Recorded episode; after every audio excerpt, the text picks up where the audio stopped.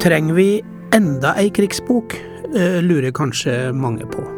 Ja, eh, så absolutt, mener jeg, fordi at hver ny generasjon trenger å vite og forstå hva som skjedde. Jeg heter Ingar Sletten Koloen og har skrevet boka Under krigen vi må ikke falle.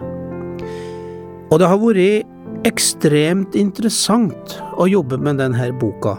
Og det som har slått meg, er jo hvor gjennomgripende en krig er. Ingen, absolutt ingen, slapp unna, uansett hvem de var, hvilken livssituasjon de var i, og hvor de bodde i landet. Alle ble satt på de forferdeligste prøver.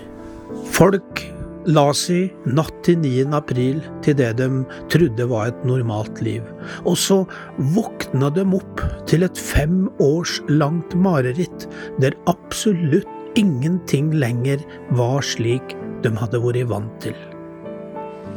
Og for å kunne fortelle de her historiene, så har jeg lest og satt meg inn i tusenvis av sider med krigslitteratur, og særlig av dem som sjøl opplevde krigen.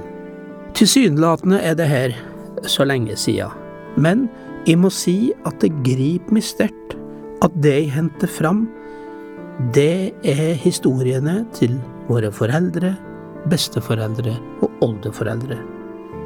Og de har mye å lære oss, for historia har en slem tendens til å gjenta seg. Jeg håper at eh, du vil følge med videre i denne podkasten, der vi skal ta for oss noen viktige hendelser og personer i krigsåret 1940.